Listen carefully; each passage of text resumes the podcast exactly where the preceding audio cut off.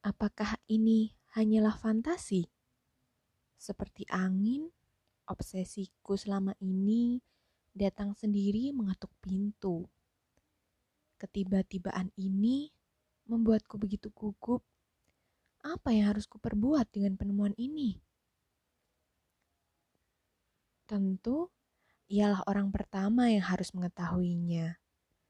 Aku yakin kali ini ia memiliki ide-ide brilian yang dapat mewujudkan obsesinya.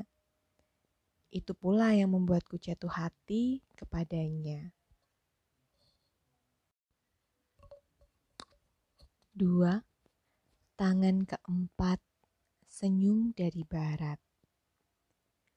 Irama ketukan pintu dari hantaman tulang jemari memecah kesunyian perkampungan perbatasan kota Jakarta Depok nuansa enam pagi hanya diwakili nyanyian burung gereja dan bunyi seret sapu lidi. Belasan ketukan menanti sambut tak kunjung bersahut.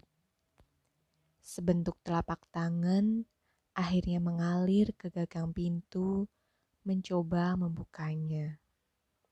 Dan kelak pintu kamar terdorong. Untuk yang kesekian kalinya, si penghuni ceroboh membiarkan pintu tipis ini tidak terkunci semalaman. Lama-kelamaan, jika seperti ini terus, di atas pintu ini akan langsung kupasang poster. Numpang tidur gratis, silahkan masuk.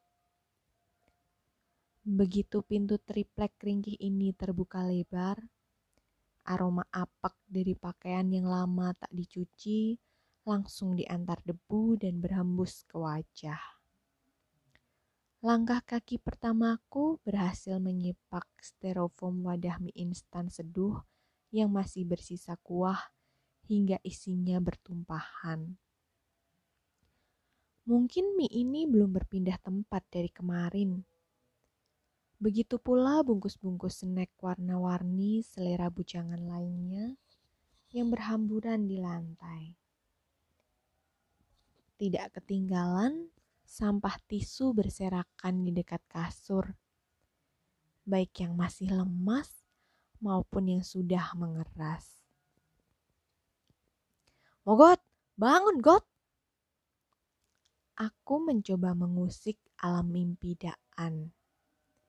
Ia terlihat masih meringkuk pulas di balik selimut garis-garis biru. Tubuh yang hanya mengenakan singlet dan celana boxer itu terkulai di atas kasur busa tak beranjang. Kasur kapuk yang spray kumalnya sudah terburai ke mana-mana. Sementara aku masih saja berjuang memilih-milih langkah untuk meraih kasurnya, Sulit untuk tak menginjak sesuatu di sini. Kotak ubin polos tanpa ada barang di atasnya hanya terlihat beberapa saja. Sisanya terlalu rumit untuk dijelaskan. God, jadi nggak? Tanyaku setelah berjerih menggapai kasurnya. Tumitku menginjak pahanya dan melakukan gerakan mengulek. Ia balas menepis kakiku dan menggumam pelan, berkesan seperti sebuah keengganan. Kamu gak jadi ikut nyari orangnya nih? Daan mengerang kecil seperti menolak ajakanku. Entah, apakah Daan memang mengantuk atau memang pura-pura tidur karena tidak ingin ikut. Lagi-lagi insting analisisku tidak tinggal diam. Aku mencari tahu jawabannya dengan melihat tonjolan di boxernya. Tonjolan piramida yang sulit direkayasa itu menandakan kalau dia memang sedang tidur alami. Jam setengah tujuh memang bukanlah waktu yang tepat untuk mengajak seorang daan. Tak lama, masih dengan mata terpejam, Kedua tangannya meraba-raba selipan bawah kasur di bagian sisinya, mirip orang yang tengkurap siap berselancar. Hingga beberapa menit pose itu berlalu, akhirnya sebuah kunci mobil terselip di jemarinya. Ia melemparkan kunci dengan sembarangan. Kunci mobil memang selalu kutitipkan di tempat Daan, supaya ia bisa memindahkan mobil itu kalau-kalau menghalangi penghuni lain. Akhirnya, kuputuskan untuk melakukan pencarian sendirian. Setelah memungut kunci, aku segera beranjak menuju pintu. Sementara Daan masih saja terbujur pulas. Sebelum aku sampai di ambang pintu, perhatianku dialihkan oleh kardus coklat di sudut kamar. Aku mendekat dan duduk bersila untuk membuka kembali kardus bekas rokok yang kemarin kami temukan di bagasi mobil. Aku masih tak mengerti apa maksud keberadaan sekaleng cat semprot hitam serta gulungan kain putih panjang di dalamnya. Cat semprot murahan seperti ini tidak mungkin digunakan untuk mengecat mobil. Lalu, Kain yang ukurannya dapat membungkus orang dewasa? Apa gunanya semua ini?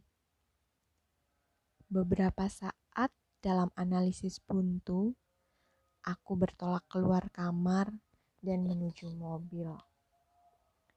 Matahari pagi Jakarta mulai tak bisa ditatap.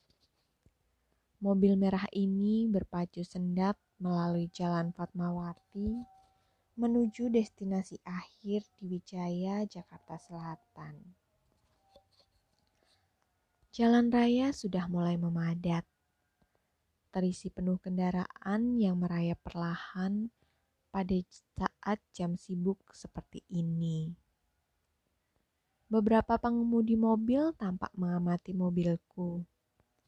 Pandangan heran mereka berpusat kepada mobil hobi yang biasanya hanya keluar pada akhir pekan. Bahkan beberapa ada yang mengacungkan jempol kepada mobilku yang tampak mencolok di antara dominasi mobil-mobil pabrikan Jepang masa kini. Di antara pengendara roda dua, ada yang juga terlihat mengarahkan kepala berhelmnya ke arah ujung bagasi hingga ujung moncong kap mesin Pandangan mereka juga mengerayangi diriku yang sedang terduduk di balik kaca mobil bening seperti akuarium ini. Suasana ini membuatku sedikit canggung, hingga ku benamkan wajah di balik kemudi. Sifat pemaluku dari kecil tak kunjung menghilang. Aku sungguh tak terbiasa menjadi pusat perhatian seperti ini. Di sela-sela kemacetan, terlepas dari perhatian orang yang tertuju kepadaku, benak berlari kencang untuk berspekulasi tentang mobil ini. Sudah mulai bermunculan bayangan seperti apa wajah pemilik keempat yang akan kutemui nanti. Analisisku mulai menyusun kata. Satu hal yang jelas, perempuan ini bukanlah orang sembarangan. Ia memiliki mobil ini semenjak tahun lalu, tahun 2001. Ketika mobil ini pasti sudah menjadi barang hobi yang serius. Alamat rumahnya terletak di kawasan Wijaya, Kebayoran Baru. Sebuah kawasan yang harga satu meter tanahnya saja bisa setara dengan harga sewa indekos daan seumur hidup. Apa pekerjaannya? Atau mungkin ia seorang pemenang undian? Pemenang undian kehidupan. Lantas, di mana ayahku mengenal perempuan ini? Laju mobil mulai kuperlambat ketika mulai masuk pemukiman Wijaya, salah satu daerah paling asri di Jakarta Selatan yang sudah dibangun semenjak era 60-an. Tata kota lawas masih terjaga. Taman-taman di tengah pemukiman rumah masih setia menjadi paru lingkungan. Namun sayang, beberapa rumah di pinggir jalan besar sudah menjadi ladang bisnis. Kafe, salon, hingga butik yang haus akan pelanggan kelas atas mulai menjamur di kawasan ini. Kabut kelabu pagi memburamkan pandangan, suasana yang jarang ditemukan di kota metropolitan. Di antara kabut, aku semakin memperlambat kendaraan sambil mengamati satu persatu rumah di sepanjang jalan. Rumah model 60-an masih banyak ditemui. Apalagi model rumah jengki yang menjadi tren kala itu. Pohon-pohon berusia sepuh berjasa bagi rindangnya kawasan ini. Di beberapa rumah, terlihat penghuni yang sedang bersantai menikmati pagi di bangku teras depan. Kebanyakan dari mereka adalah para lanjut usia. Beberapa duduk berdampingan bersama istrinya. Sisanya tenggelam sendirian dalam lembaran koran. Selang beberapa rumah terlalui, aku melihat pelang nama jalan yang sama dengan alamat di BPKB yang masih terhimpit di antara jemari dan setir.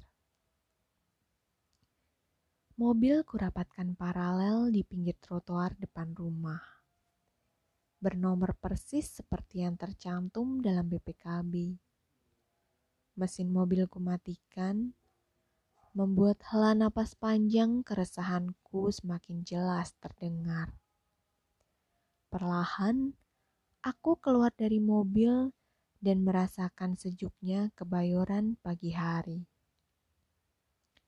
Pepohonan sepuh penunggu jalan menjulang tinggi menghalau sumirat mentari.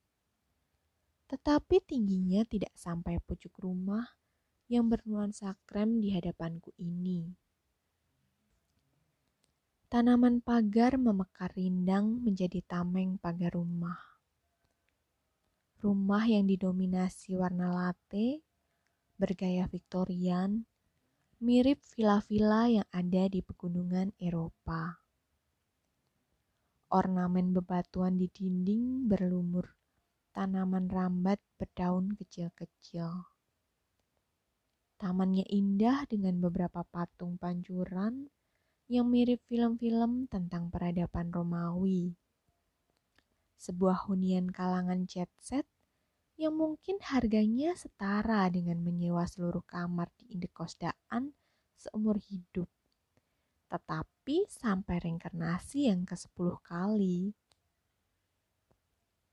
Tunggu, pemandangan ini justru membuatku semakin heran.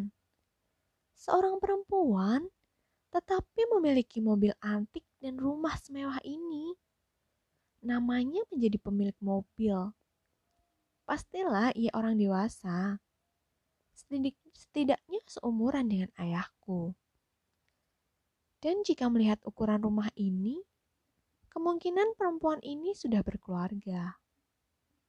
Mengapa ia datang ke rumah ayahku? Sementara pekerjaan ayahku bukanlah pekerjaan yang memiliki klien. Apa benar ada hubungan tertentu di antara mereka? Jangan-jangan ayahku menjadi orang ketiga di keluarga perempuan ini. Tiba-tiba, seorang laki-laki tegap berambut cepak, mengenakan safari hitam formal tanggung, muncul dari balik gerbang. Ia mendatangiku yang tengah melamun, menatap rumah ini dari beberapa menit yang lalu. Melihat pembawaannya, sepertinya ia petugas satpam rumah ini. Cari siapa, Mas? Ucapnya tegas beraut beringas. Sama sekali tidak tiada kesan ramah dari laki-laki kekar itu. Seakan-akan selalu memusuhi setiap orang asing yang datang kemari. Ibu Elizabeth sedang ada di rumah? Tanyaku langsung tanpa basa-basi. Maaf, Mas ada kepentingan apa? Begini, Pak. Saya pemilik mobil yang dulu dimiliki Ibu Elizabeth. Dulu mobil itu pernah di sini, kan? Telunjukku mengarah kepada mobilku. Satpam itu menyipitkan matanya dan terlihat kesulitan mengingat. Wah, saya belum pernah lihat. Aneh, orang di rumah ini belum pernah melihatnya. Ini semakin membingungkan saja. Jangan-jangan Elizabeth juga menyembunyikan mobil ini dari orang rumahnya. Tapi Ibu Elizabeth ada bukan? Tanyaku dengan penuh harap. Bu Eli lagi tidak ada. Sudah lama Bu Eli tidak ke sini. Semangatku semakin pudar. Maklum saja orang-orang kaya biasanya memiliki rumah lebih dari satu. Namun, usahaku tidak akan kuhentikan sampai di sini saja. Barangkali anaknya ada di rumah, Mas. Tanyaku lagi. Bibir satpam itu bergetar hampir menjawab, tetapi kata-katanya berhenti di ujung lidah dalam keraguan. Hingga akhirnya tiada satupun kata berani keluar dari bibirnya. Barangkali ini sikap yang dimaksudkan untuk alasan keamanan. Sekarang ia hanya melamun menatapku, masih dengan keraguannya. Rautnya berkesan pembohong amatir.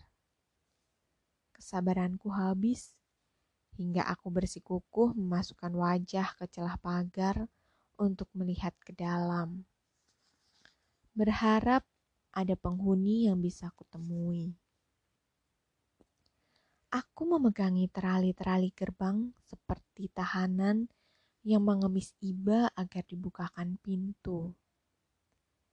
Aku tak bisa berlama-lama menunggu kepastian. Harus ketemukan orang yang mampu menjawab semua ini. Melihat gelagatku yang mencurigakan, Satpam itu mulai gemas dan meremas lenganku dari belakang. Sorot matanya semakin tajam. Tangannya direntangkan, lalu mengemasku agar menjauh pagar besar itu. Mas sebenarnya mau apa ya? Belum sempat aku menjawab, terdengar suara decit pintu garasi yang digeser. Aku langsung menoleh ke arah rumah. Dari celah gerbang, terlihat pintu garasi besi terbuka perlahan. Seorang perempuan berkulit amat cerah tengah melintas menuju salah satu city car di dalam garasi. Spontan saja aku langsung berteriak ke arah perempuan itu. Hei, nona yang di sana, bisa kemari? Mendengar teriakanku, perempuan berpostur semampai itu menoleh, lalu memicingkan matanya dengan raut bingung bercampur rasa penasaran.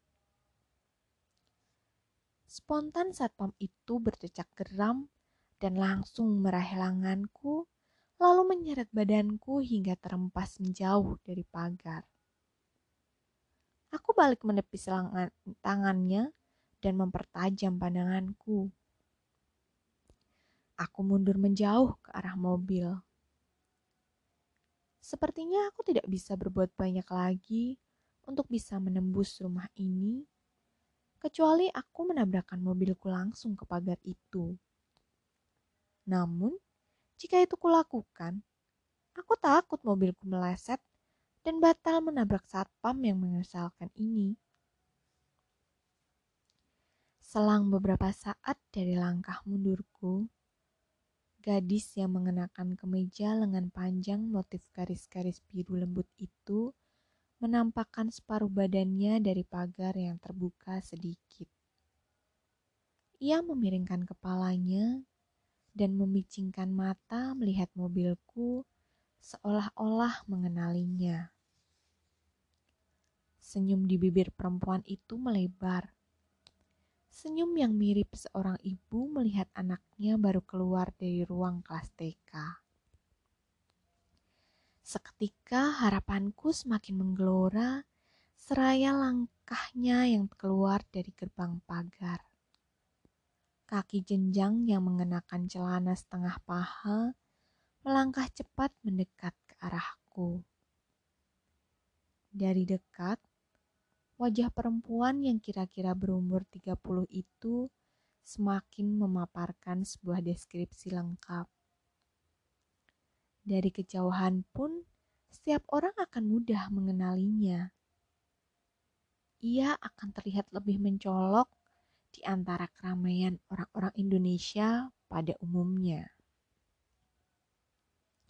Sudut-sudut wajahnya bersiku, dengan kesan perempuan barat yang kental, tetapi dengan kulit bening yang cerah seperti gadis Tionghoa. Hidungnya mancung dan meruncing kecil di ujung. Kornea matanya berwarna coklat benderang hingga pusat pusat pupilnya yang gelap tampak kontras. Berkilauan merefleksikan bayangan wajahku. Rambutnya berwarna almond keemasan yang mengembang ikal, menjuntai panjang hingga ke lengannya. Kini, bibirnya yang merah ranum menyeratkan sebuah senyuman. Aku menyebutnya senyum dari barat. Ujung-ujung kuku merahnya sedang mencengkeram, mencengkeram lemah buku kecil tebal berwarna gelap seperti sebuah novel. Saat saat ku perhatikan lebih cermat, rupanya buku itu adalah novel karangan Leo Tolstoy, Anna Karenina.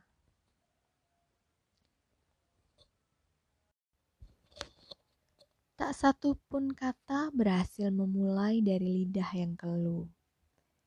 Kami hanya bertatap muka dalam keheningan.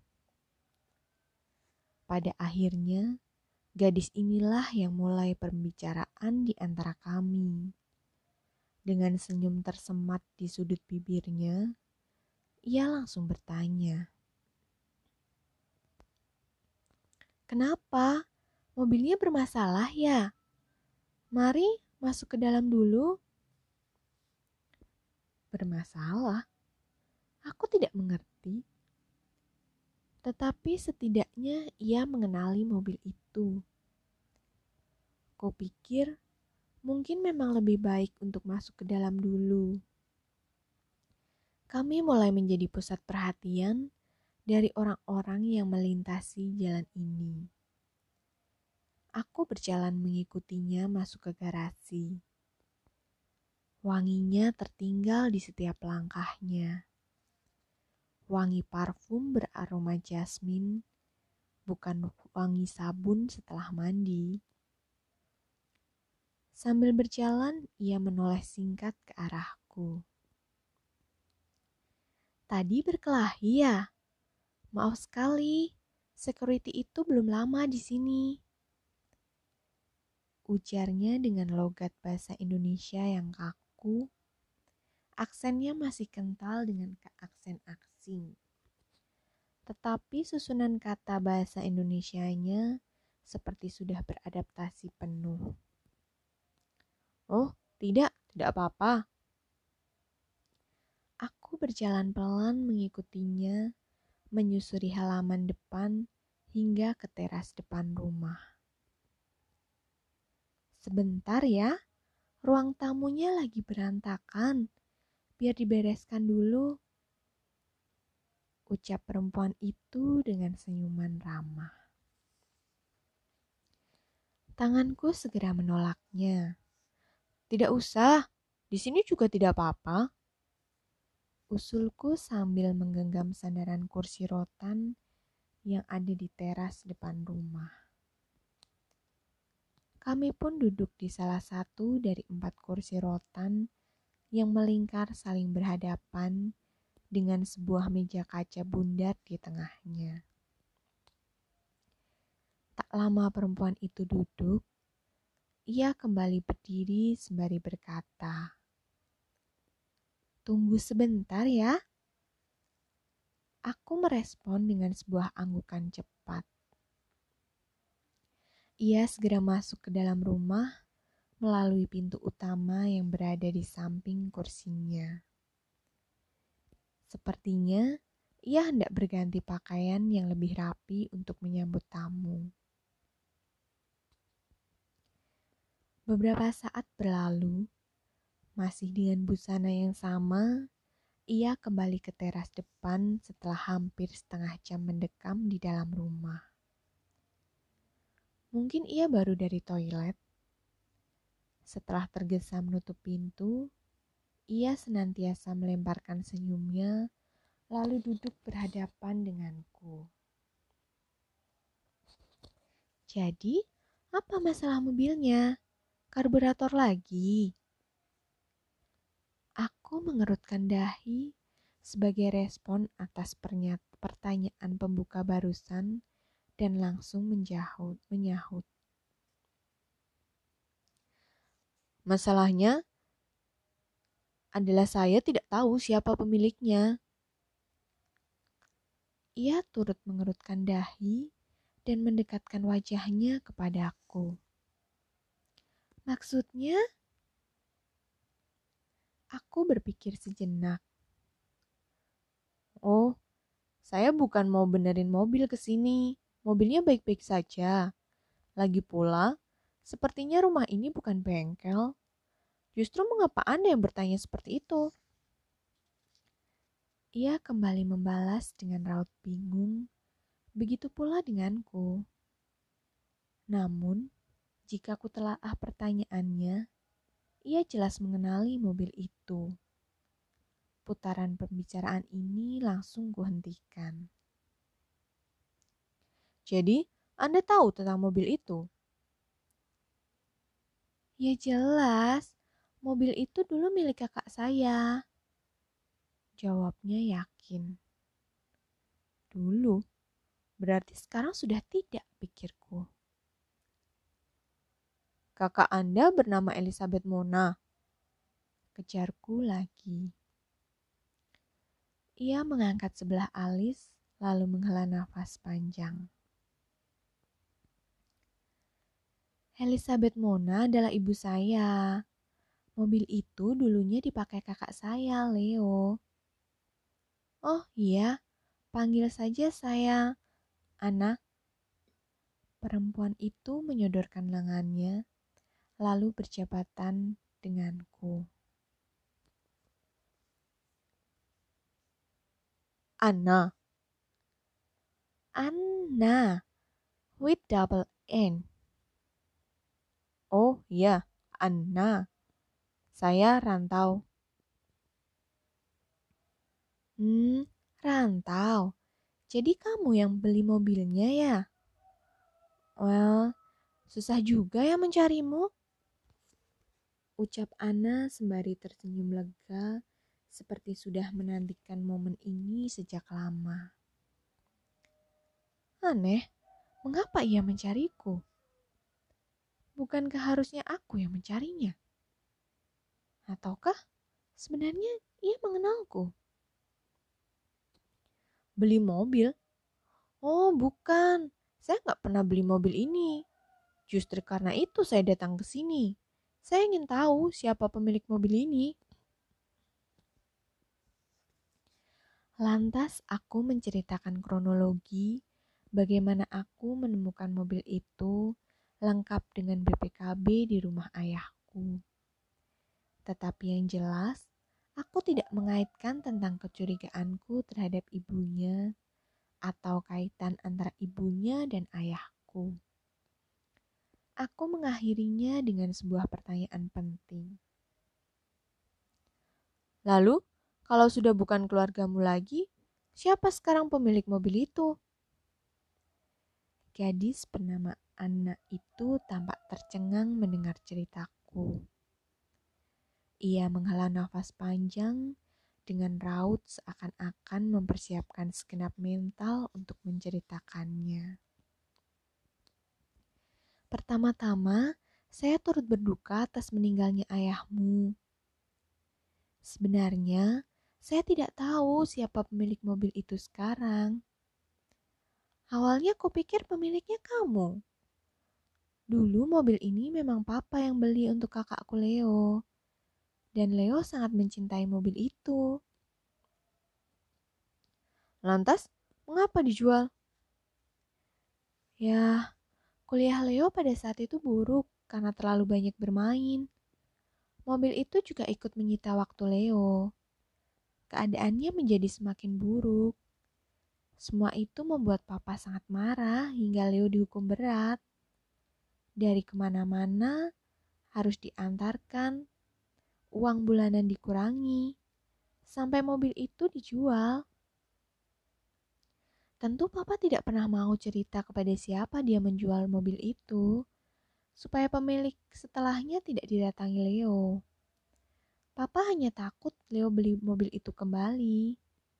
Malah sampai sekarang hanya papa yang menyimpan rahasia itu. Sebenarnya, sekarang waktu yang tidak tepat. Leo sedang di rumah sementara papa malah tidak ada di sini. Jelasnya panjang dengan bahasa yang semakin membaik.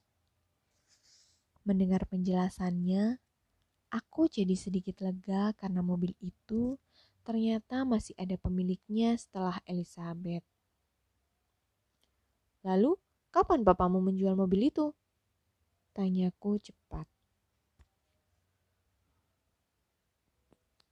Hmm, mungkin enam bulan yang lalu. Rupanya asumsiku memang salah. Mungkin memang bukan Elizabeth yang datang ke rumah ayahku dan meninggalkan mobilnya di sana. Barangkali masih ada pemilik setelahnya. Pemilik yang belum balik nama atas kendaraan itu. Pemilik yang masih belum kami ketahui. Sepertinya aku tidak boleh lega dulu.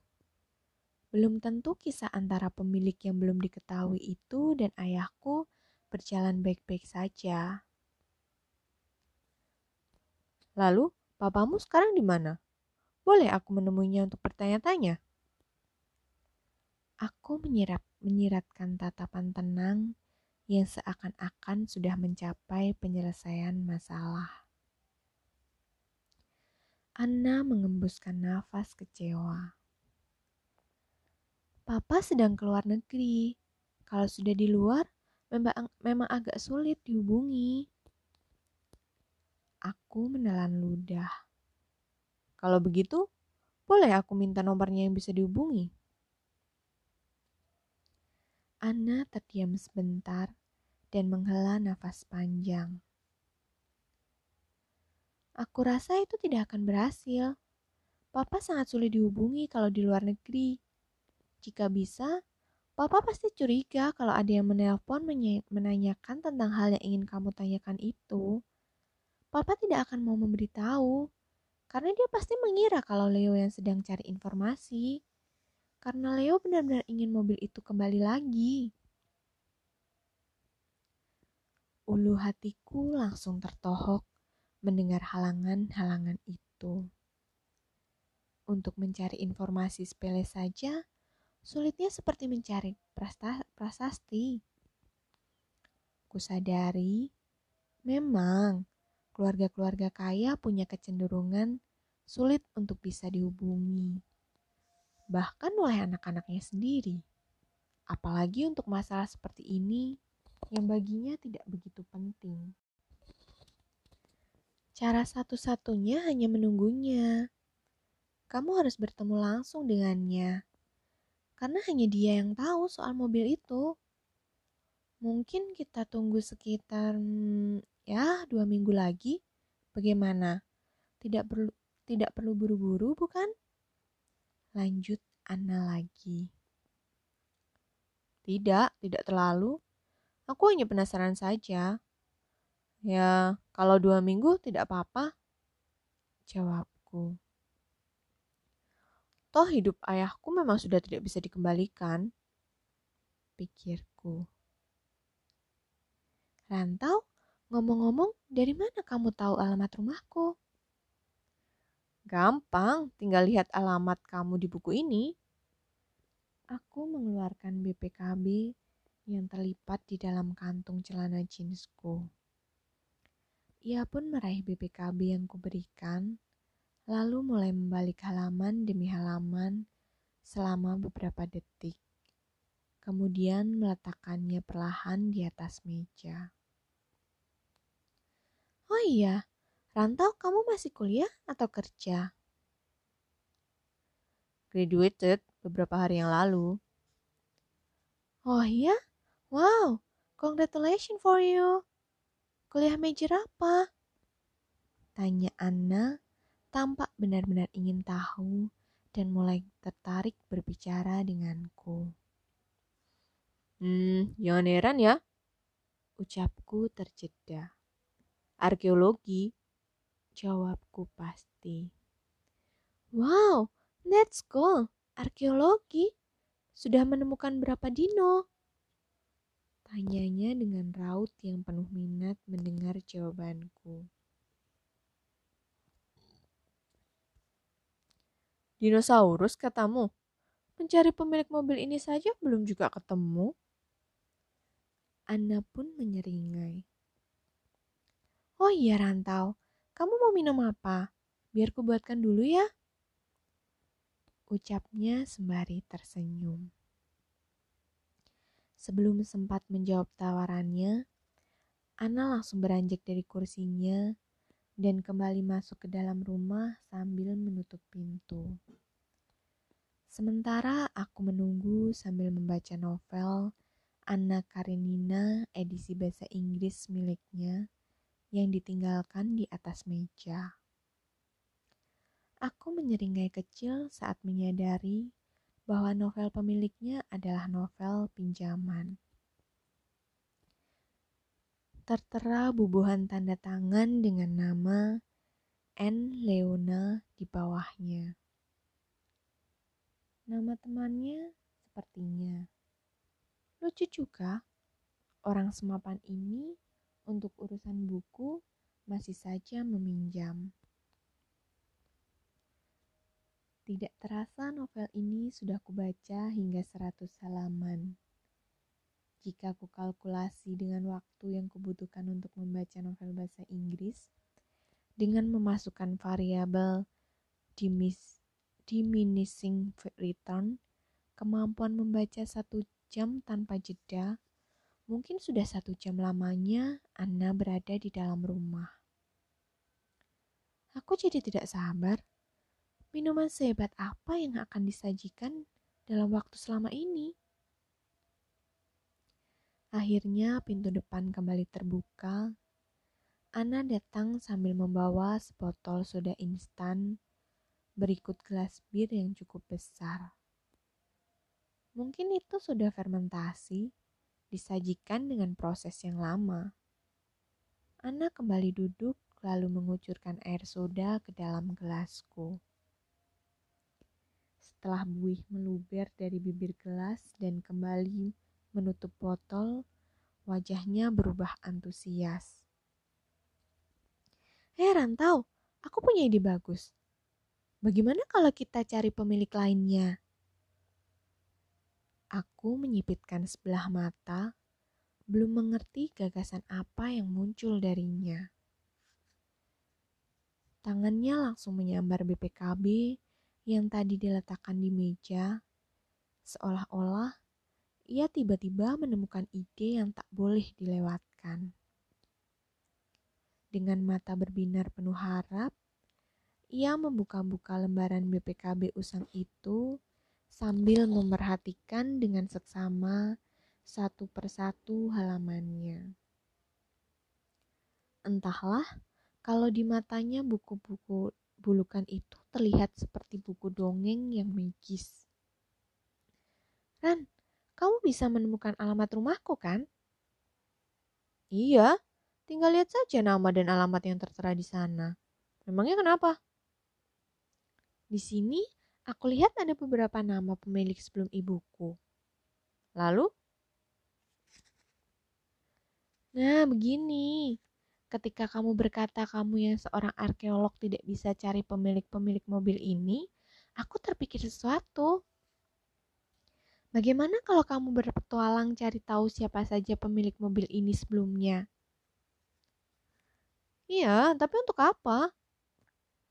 Aku sedikit ragu dengan idenya. Apalagi kecurigaanku tentang keluarganya belum hilang benar dari benakku.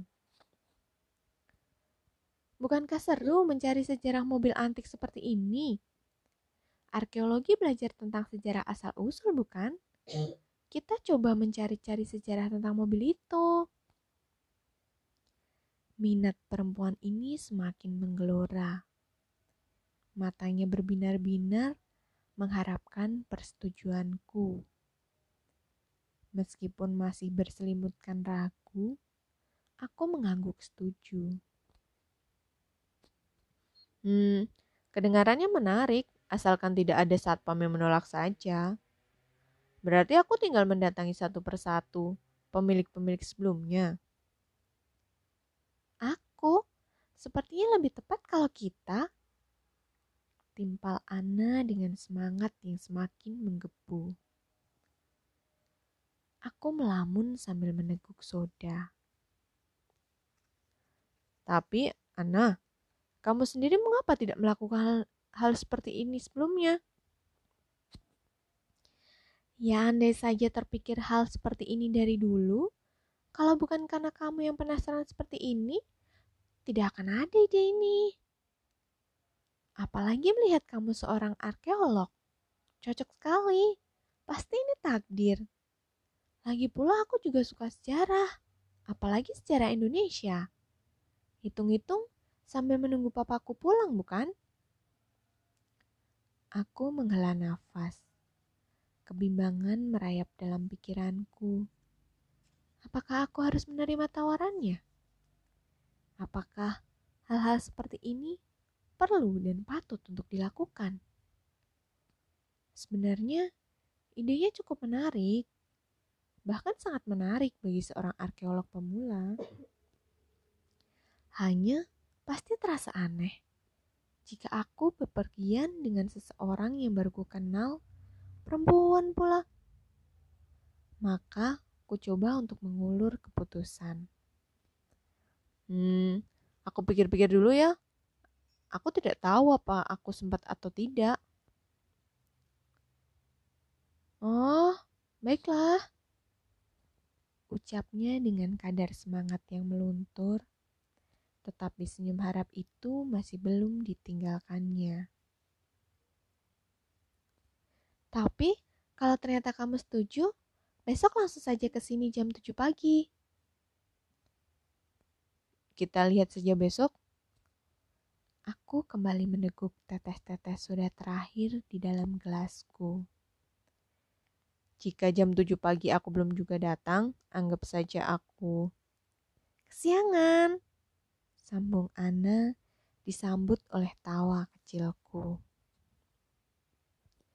Setelah pembicaraan utama barusan, dengan tambahan gelas soda yang kedua, aku ingin segera mengakhiri pembicaraan hari ini dengan cara yang halus.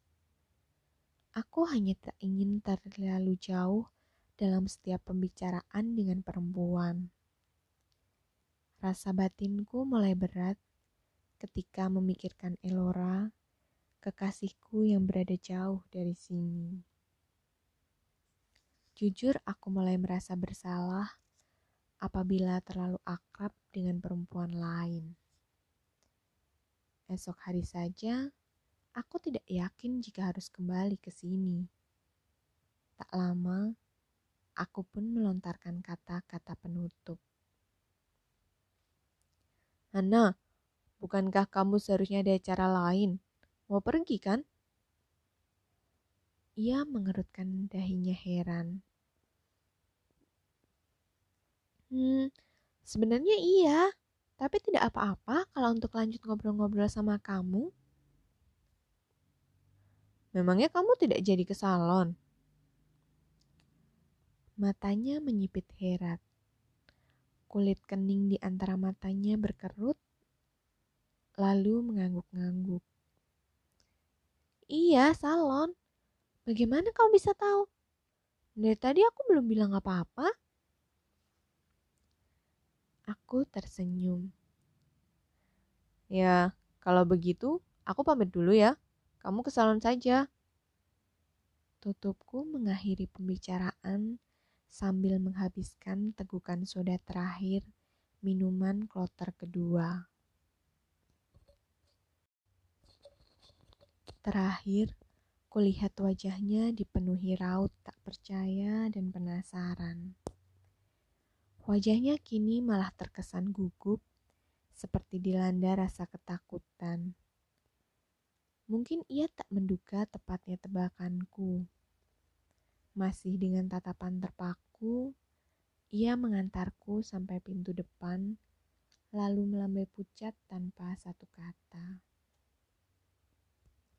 Padahal, sebenarnya mudah saja menebaknya dengan analisis datar, dasar, Pagi hari, wangi tubuh bukan sabun, kunci mobil, celana santai, sandal, rambut yang acak, dan novel yang ia jinjing bersama kunci mobil. Apalagi aktivitas yang akan dilakukan perempuan mapan dengan pakaian santai dan tempat untuk membaca bacaan tebal. Meskipun probabilitasnya masih satu dibanding 50, tidak ada salahnya jika ku coba untuk menebaknya. Ketika aku membuka pintu mobil, sebuah tepukan berdimensi besar terasa cukup mengena di punggung, membuatku tersentak kaget hingga kunci mobilku terjatuh. Pantas saja, dari tadi aku merasakan ada langkah cepat mengikutiku di belakang. Aku berbalik. Di hadapanku berdiri seorang laki-laki dengan tubuh tinggi besar. Kulitnya putih, wajahnya terkesan angkuh, rambutnya cepak kecoklatan, dagu sikunya agak condong ke depan, hidung mancung dengan cuping hidung yang sedikit mekar. Seluruh perawakannya seperti seorang pemain rugby yang biasa kulihat di film-film barat. Siapa gerangan laki-laki ini? Tak segan, ia langsung menaikkan badannya ke mobilku, duduk di atas kap mesin mobil. Kakinya berpijak pada ban depan. Tubuhnya tegak menghadap ke arahku, menyiratkan sebuah tantangan. Gimana mobilnya? It's only for an engineering family boy. Tanyanya dengan ketus sambil menepuk lengan tangan kananku. Melihat perilaku dan perkataannya, aku rasa dia Leo. Tebakku langsung. Ia terdiam sejenak, lalu mengangguk dengan ketus. Matanya masih tajam menatapku, seperti kucing yang meronta ketika baru dimasukkan ke dalam kandang. Repot kan ngurus mobilnya? Ah, tidak juga. Lebih repot mengurus anak seperti... Jawabku sarkastik tanpa ekspresi. Aku berusaha senada dengan cara ia berbicara kepadaku dan juga mengingat kata-kata Ana untuk tak mengajukan Leo. Aku lekas menunduk dan mengambil kunci mobil yang tergeletak di aspal, lalu membuka pintu dan masuk ke dalam mobil tanpa menghiraukannya lagi. Leo menyandarkan sikutnya di atas kaca mobil yang terbuka. Matanya yang tajam terus membidik wajahku. Kembalikan mobil ini. Tegasnya dalam nada gusar. Tetapi aku tak acuh dan tetap fokus menyalakan mobil. Ia menepuk pintu seperti habis kesabaran. Gini deh, mobil ini mau dijual berapa?